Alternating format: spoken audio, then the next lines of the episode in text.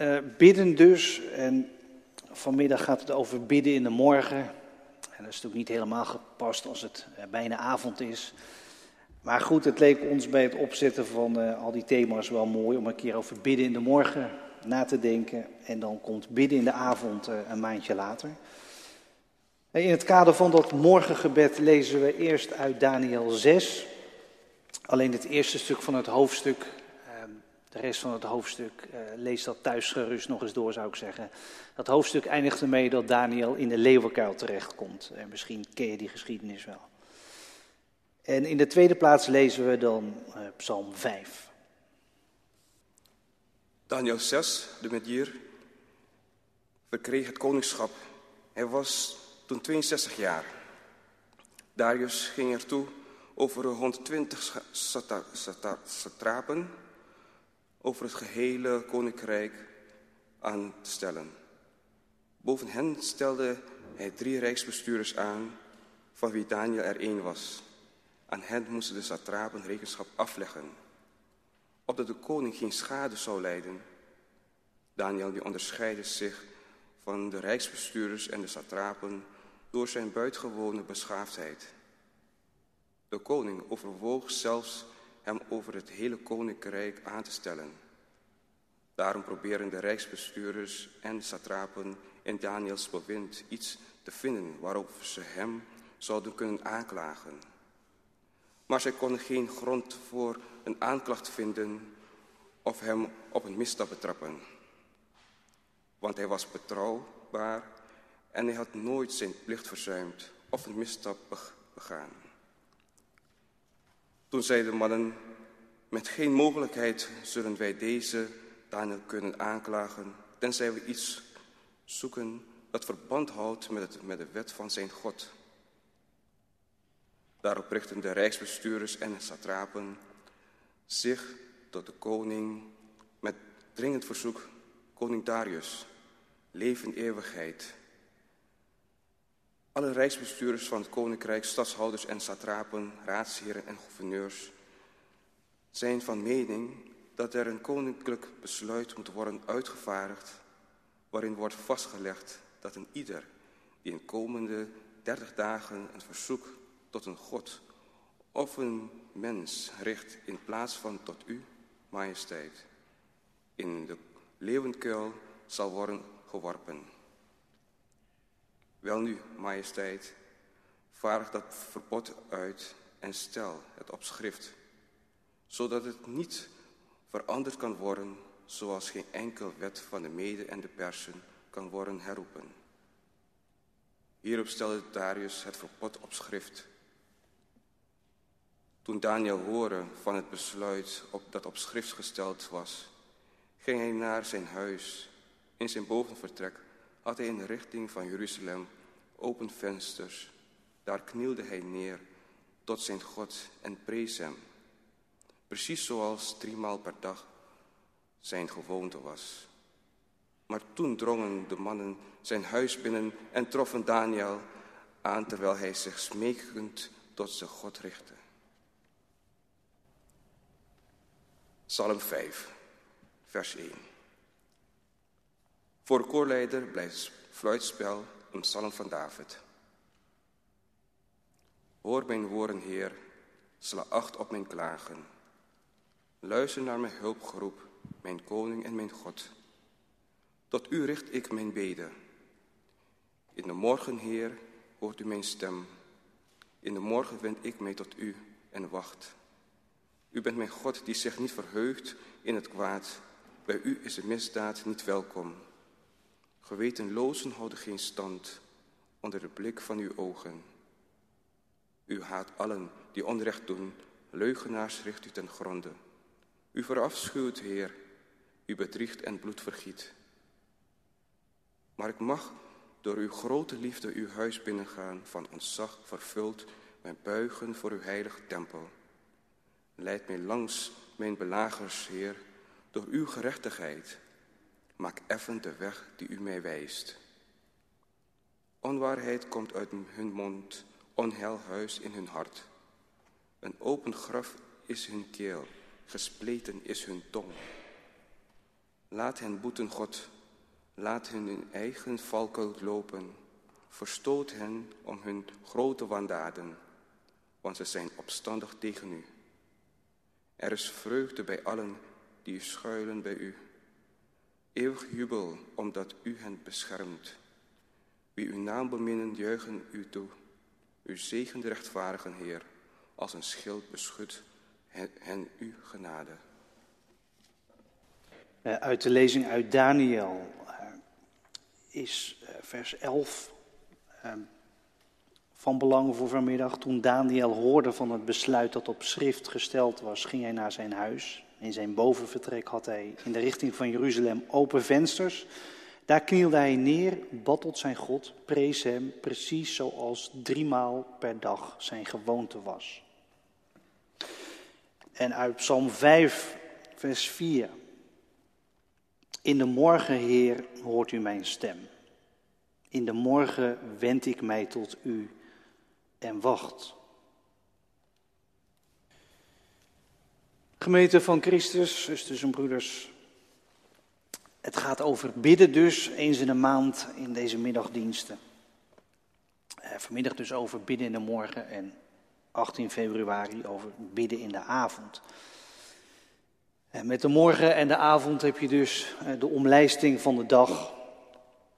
Morgengebed, avondgebed. En in de traditie zit daartussenin dan nog het middengebed. En dan heb je drie keer bidden. Het getijdengebed. En dat is een oeroude traditie. Die in de kloosters is uitgebreid naar zeven gebedsmomenten. Maar het, het, is al heel lang een gewoonte van mensen om zo de dag te kleuren.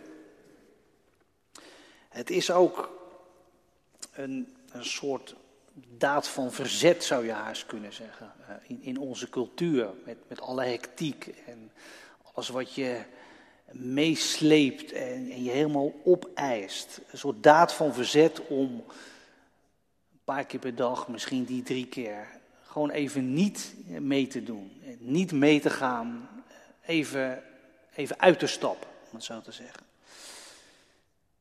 Er is een uh, toch wel beroemde regel van de dichter Jan Wit over getijdengebeden. Uh, hij zei, wie de getijden verzuimt, wordt door de tijd overspoeld.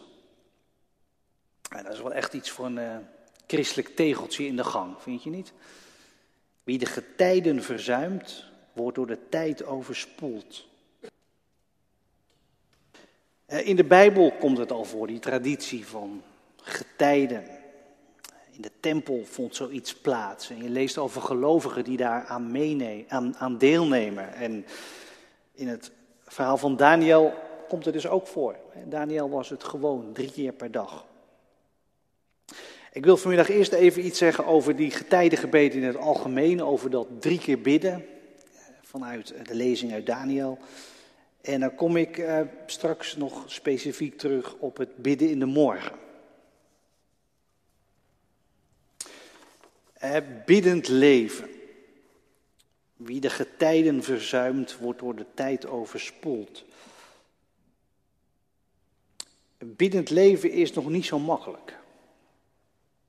Eh, in elk geval niet voor iemand als Daniel.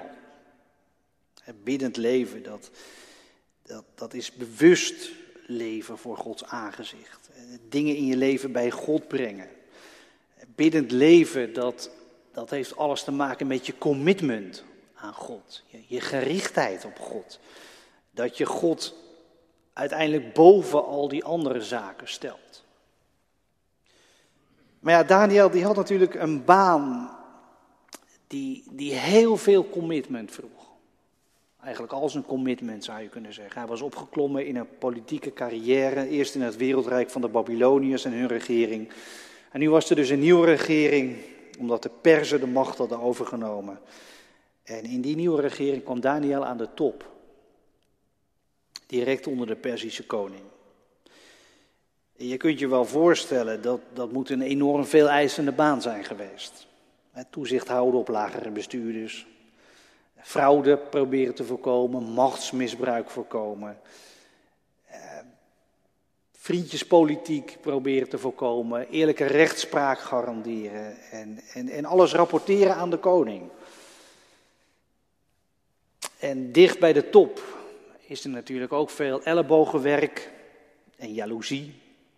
Dat heb je overal, maar ik denk dat het dichter bij de top misschien nog wel erger is. Tenminste, dat gok ik, ik weet het eigenlijk niet.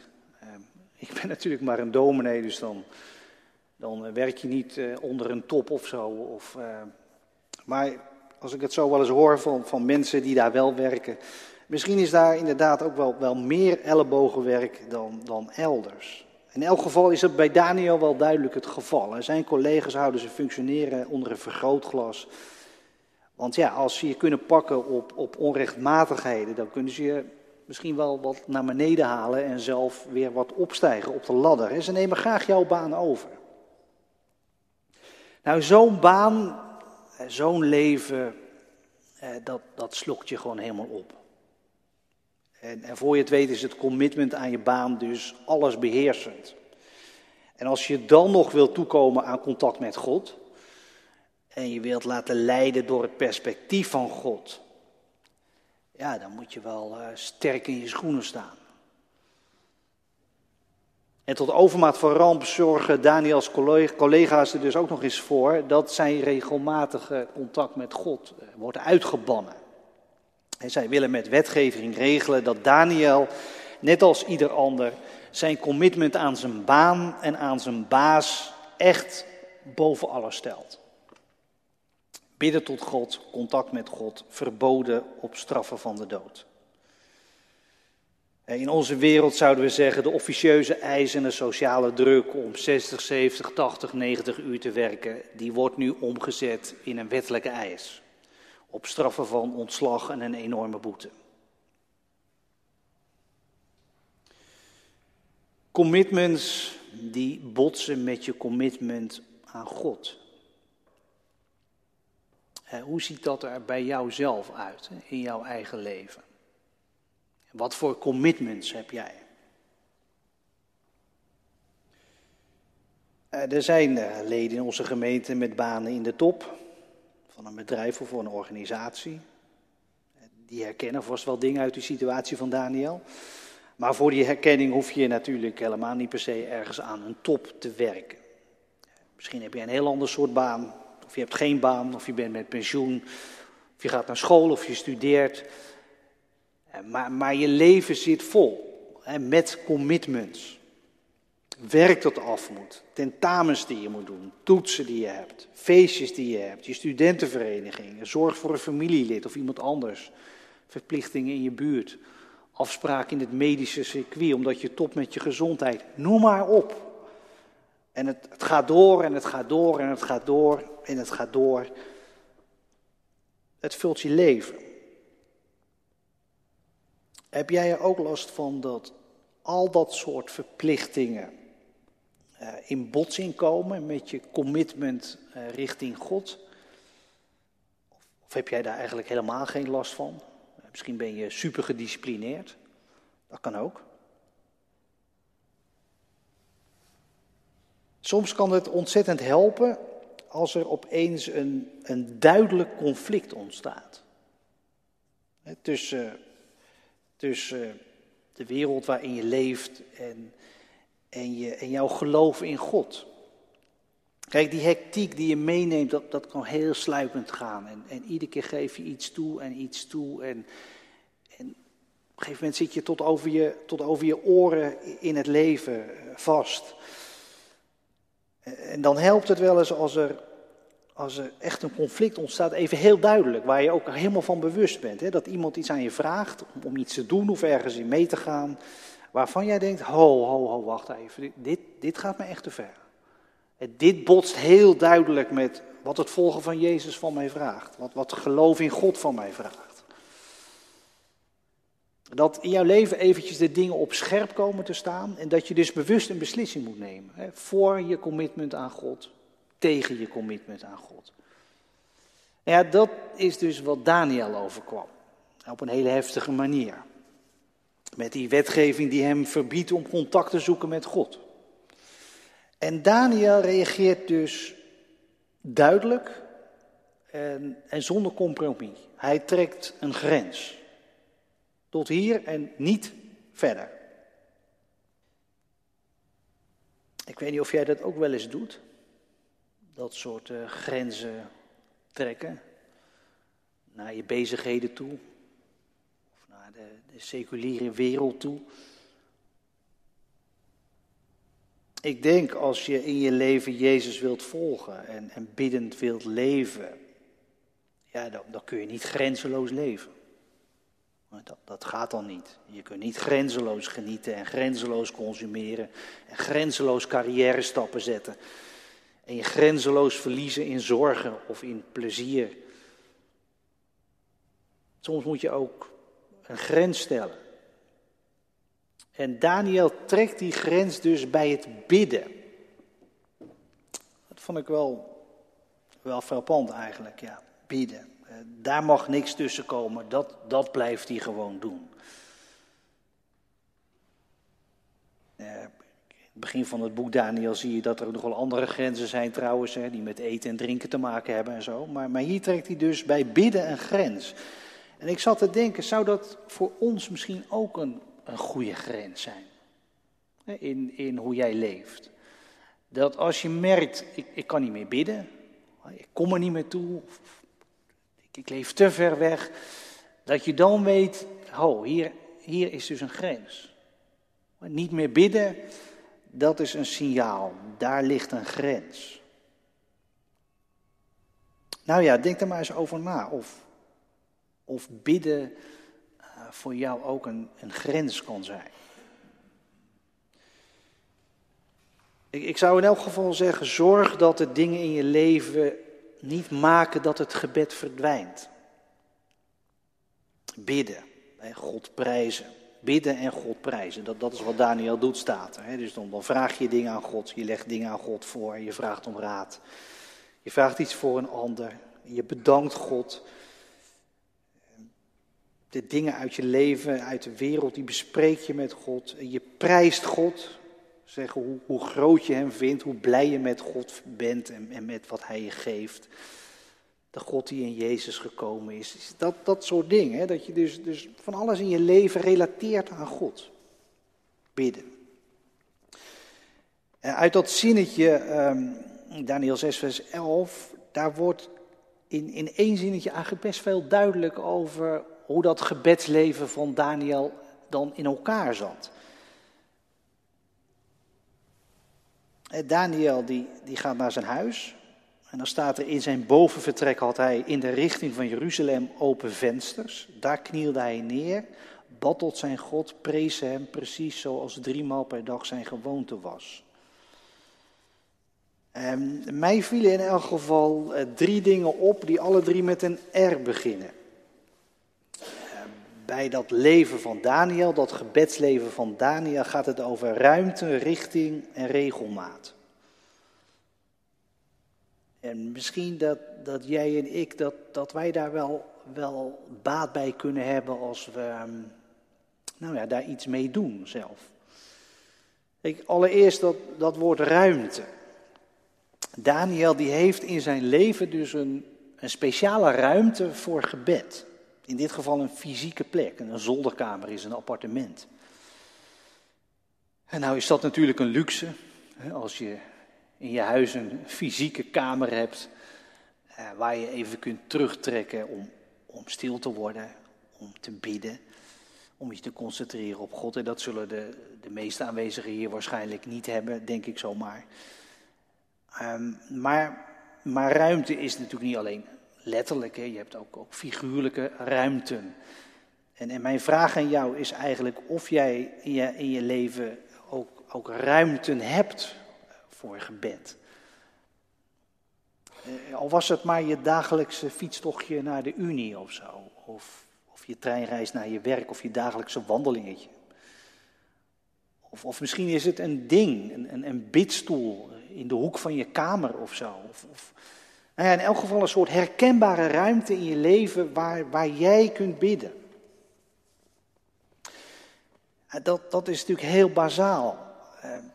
Als, als alles is dichtgetimmerd bij jou, ja, dan, eh, dan zal het met bidden eh, lastig gaan. Nou ja, behalve dan misschien nog op zondag. Kijk, we dat is natuurlijk een zegen voor ons. Hoe dichtgetimmerd ons leven ook is, die kerk, eh, die is nooit dichtgetimmerd. Als je hier binnenstapt, dan, dan is er direct ruimte. Ruimte om je heen, ruimte richting God. Maar, maar in je leven toch ook van die ruimte, in je dagelijks leven, dat is wel heel heilzaam. Nou ja, dat is het eerste, ruimte. Ehm, en het tweede, eh, wat, wat mij dus opviel, is dus de richting. Daniel heeft vertrek voor het bidden uitgekozen met open vensters in de richting van Jeruzalem. Dat is wel een opvallend detail. Hij had misschien ook een ander kamertje kunnen uitkiezen of een inloopkast of zo. Maar hij kiest dus voor, voor de ruimte waar, waar de, de ramen eh, richting Jeruzalem zijn. Niet dat hij dat kon zien, Jeruzalem, maar het was de richting van Jeruzalem. Ja, ik dacht, wat, wat zal dat nou zijn? Is dat een soort uh, melancholie of zo? Daar komt hij vandaan, daar liggen zijn roots. Um, nou, ik, ik dacht eigenlijk, het, het heeft vast te maken met, uh, met toekomst. Jeruzalem, daar ligt alles in puin. Um, maar het is wel een plek waar God heel veel voor beloofd heeft. Toekomst. Plek waar je, waar je zult terugkeren, waar je naartoe gaat. Dus, dus zo heb ik het maar opgevat. Die richting van die gebeden van Daniel, dat is de richting van Gods toekomst. Als Daniel gaat bidden, dan doet hij dus zijn ramen open naar God in de richting van Gods toekomst. Waar, waar zijn leven, waar de wereld naartoe onderweg is. bijzonder dat, dat, dat het bidden voor hem dus een, een richting had. En dat is iets waarvan ik dacht, daar kunnen wij wel wat van leren ook, ja. Dat, dat bidden niet een, een, een blind riedeltje is, om het zo even te zeggen, maar dat bidden dus, dus iets heeft van even bewust je ramen openzetten richting God, richting Gods toekomst. En ja, door dat bidden eh, zet je jezelf al, richting God natuurlijk. Het bidden zelf is, is misschien al wel die venster, eh, dat open venster.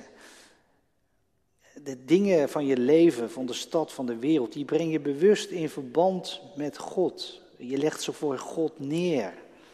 En, en dat geeft al richting aan alles waar, waar, waarmee je bezig bent. Um, voor Daniel was die richting dus tastbaar. Niet dat hij Jeruzalem zag liggen, maar hij wist deze ramen, dat, dat doet mij denken aan Jeruzalem. Die kant ligt het ergens.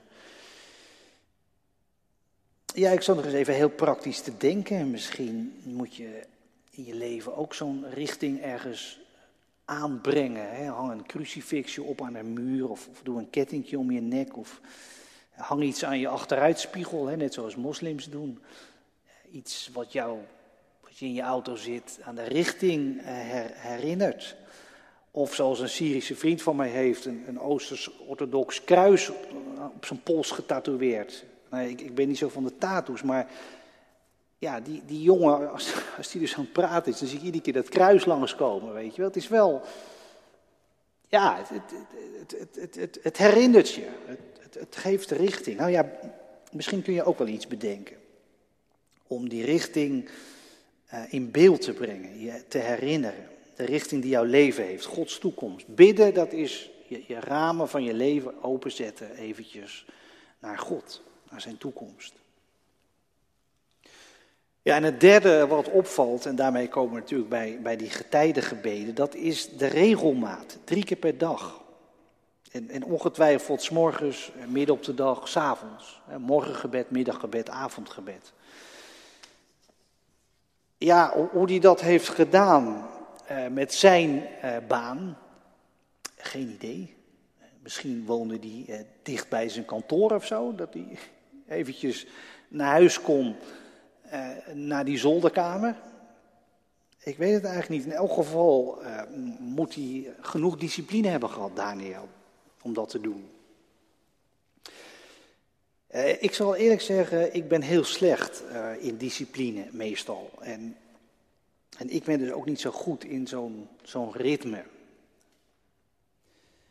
Maar toch, eh, zelfs, zelfs ik als mens met weinig discipline, ik, ik zeg jou toch, die vaste momenten, ja, dat is natuurlijk ontzettend behulpzaam. Om, om daar iets mee te doen. Dat, dat, dat, helpt dus gewoon. dus, dus al is het maar elke dag als je op weg gaat naar je college of je werk. Of in elk geval elke avond, hè, voor je gaat slapen. Eh, bedenk een vast moment en, en zorg dat dat gewoon inroest bij je als, als een gewoonte. Dat bidden aan je leven een, een soort ritme geeft. Het ritme van het contact met God. Nou ja, er zijn ook wel hulpmiddelen voor natuurlijk. Ik zie Marlijn hier eh, zitten, het stadsklooster. Uh, dat, wanneer is dat Marlijn? Kun je dat even een beetje luid en duidelijk zeggen? Maandagmiddag 12 uur. 8 uur? Woensdagavond 8 uur en dan vrijdag half acht, s morgens. Nou ja, in, in de Prinsenkerk is dat, hè? Marlijn zet het in de app. Um, ja, dat, misschien is, is dat een hulpmiddel zoiets, dat je dat, je dat gebruikt. Um, nou ja, regelmaat, vaste, vaste momenten. Ruimte richting regelmaat. Het, is een hoog ideaal, dat weet ik ook wel, maar het is ook wel iets waar je waar je, best voor kunt doen, toch? Om, om zo je leven in te richten. Nou ja, dat eventjes naar aanleiding van uh, Daniel over, over bidden in het algemeen. Dagelijks bidden, s'morgens, s'middag, s'avonds. Over avondgebeden gaan we het dus een andere keer hebben. Nu nog eens eventjes uh, kort een paar dingetjes over bidden in de morgen. Bij het morgengebed moest ik denken aan ook aan drie dingen. Ja, het is een beetje in drieën, maar goed, dat is altijd wel makkelijk ook. Uh, ik moest denken aan, aan een toonzetting, aan opstanding en aan toewijding. Dus dat morgengebed, ja, dat, als je dat als gewoonte hebt, dat, dat is de toonzetting van de dag, zou je kunnen zeggen. Zoals de zondag dat is van de week. Als je, als je s'morgens dat morgengebed doet, dan, dan, dan zing je de rest van de dag in de toonsoort van het contact met God. Het, het is een soort bril, zou je kunnen zeggen, die je opzet als je wakker wordt. En die jou perspectief geeft wat, wat de rest van je dag kleurt. Eh, de richting, daar heeft het ook mee te maken, met die richting van Daniel. Aan het begin van de dag zet je, sorteer je je dag voor op, op God, zou je kunnen zeggen. Ja, zoiets voorsorteren, daar heeft het wel iets van.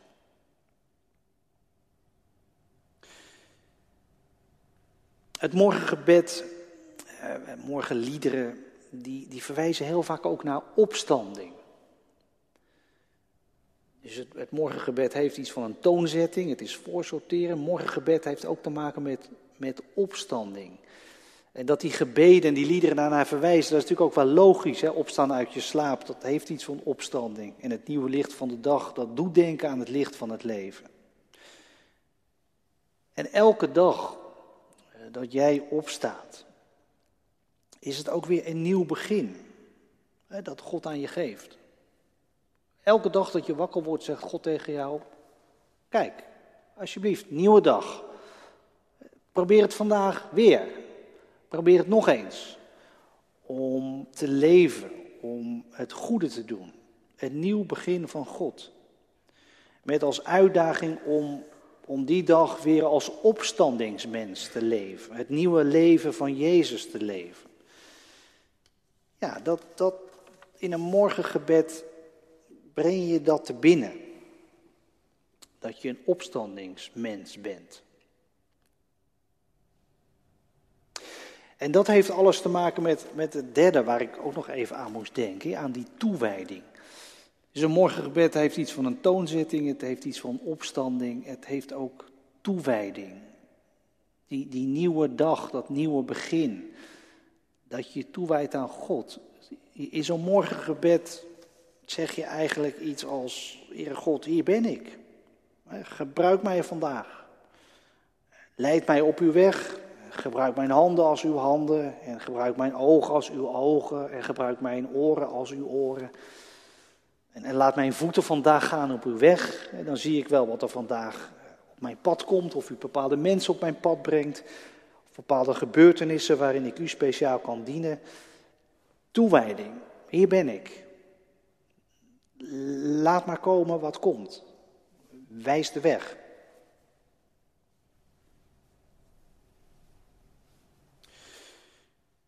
Wat ik tot nu toe allemaal gezegd heb over dat leven van gebed. Met eh, richting, ruimte en regelmaat. Wat ik heb gezegd over dat morgengebed. Als toonzetting, opstanding, toewijding. Ja, ik, ik meen dat allemaal heel erg. Eh, uit de grond van mijn hart. Maar tegelijk denk ik ook wel bij mezelf. Het is ook wel hoog gegrepen. En niet voor iedereen. En misschien ook niet voor jou. Eh, maar voor mijzelf eigenlijk wel. Kijk, dat morgengebed. Eh, ik ben dus uh, geen ochtendmens. Beslist niet. En ik kan je verzekeren dat als ik wakker word, dat ik dan zelden allerlei hoge gedachten heb. Het zijn überhaupt heel weinig gedachten eigenlijk. Ik ben altijd heel jaloers op mensen, Zoals mijn vrouw, die, die uit bed springen en die zijn gelijk helemaal wakker en fris en fruitig. Uh, kijk, die, die, zie ik, die zie ik wel fris en fruitig een morgengebed houden. Met een lezing of met stilte. Maar wat, wat moeten wij nou, arme drommels, die, nou ja, die, die geen ochtendmens zijn? Nou ja, wij moeten ons bij de lurven pakken en, en het op onze manier doen. Dat, dat, is, dat is wat ik denk. Is misschien geen heel morgengebed met een hele liturgie. Maar laat, laat iets inroesten bij jezelf. Als, als een vast moment, als een gewoonte. Bij je ochtendkoffie of het eerste beschuitje. Misschien ook heel kort. Dat je, dat je hardop of zacht iets zegt in de trant van Psalm 5. Psalm 5, vers 4. In de morgen, Heer, hoort u mijn stem. In de morgen wend ik mij tot u en wacht. Oh, dat is een heel, heel klein zinnetje. Uh, dat, is, dat is niet een heel, hier ben ik en niet, ja, het is, het is een heel rustig begin, dacht ik. Nee, dus als je, als je nou dit zinnetje op zo'n 5, vers 4, als je ook uh, niet zo'n ochtendmens bent, of, of het lastig vindt om, om zo'n discipline te hebben van, van gebeden, dat ene zinnetje uit Psalm 5, vers 4. Als je dat nou even uit je hoofd leert. In de morgen, Heer, hoort u mijn stem. In de morgen wend ik mij tot u en wacht. Ja, dat, dat is toch fantastisch, zo'n zinnetje. Heel klein, maar, maar heel diep. En, Psalm 5, dat is ook helemaal niet zo'n triomfantelijk lied. Het is een lied uit de diepte. Een, lied met aangevochtenheid en met vijanden en, en belagers. Dat, dat kun je ook zeggen op, op sommige dagen dat je wakker wordt en, en dat je tegen de dag opziet als een berg, weet je wel. Of dat je denkt, laat ik maar blijven liggen met mijn hoofd onder de dekens. Maar dan, zeg dan dat zinnetje ook. In de morgen, Heer, hoort u mijn stem. In de morgen wend ik mij tot u en wacht. daar, daar zit al die richting in, in dat ene zinnetje. In dat wachten. Kijk, en dat, dat wachten, het Hebreeuwse woord voor wachten, wat hier staat in vers 4, dat is niet passief wachten met je armen over elkaar of je dekens over je hoofd. Het, het is kijken, uitzien naar, opzien. Dat betekent het. Het is ook waken, wat wachters doen op de muren van de stad. Dus ook als je verder niet zoveel gedachten hebt richting God aan het eerste begin van de dag, dat je je wel bewust richt naar God. Net zo bewust als dat je toch even je tanden poetst of andere morgendingetjes doet. In de morgen, Heer, hoort u mijn stem. In de morgen wend ik mij tot u en wacht. Het kan ook met, met vrolijker zinnetjes natuurlijk. Psalm 57 of 108, we gaan dat straks ook zingen naar de geloofsbeleidenis. Dit zinnetje, ontwaak mijn ziel, ontwaak met harp en lier, ik wil het morgenrood wekken. Maar goed, misschien is niet meer voor ochtendmensen, dacht ik. dat is Psalm 108, Psalm 57. Van die zinnetjes die jou op de vroege morgen, aan het begin van de dag, voorsorteren richting God, richting zijn toekomst. Omdat je bij Hem hoort en van Hem bent. Tot slot uh, lees ik de tekst voor van een morgengebed wat in het dienstboek staat van, van onze landelijke kerk. Uh, ik, ik, zal het ook even in de kerk-app zetten en als je daar niet in zit, uh, stuur me maar een mailtje. Um, we gaan het niet bidden, het is geen morgen natuurlijk. Maar ik, ik lees het even voor, dit morgengebed. Ik vind het zelf een heel mooi morgengebed. Het gaat zo.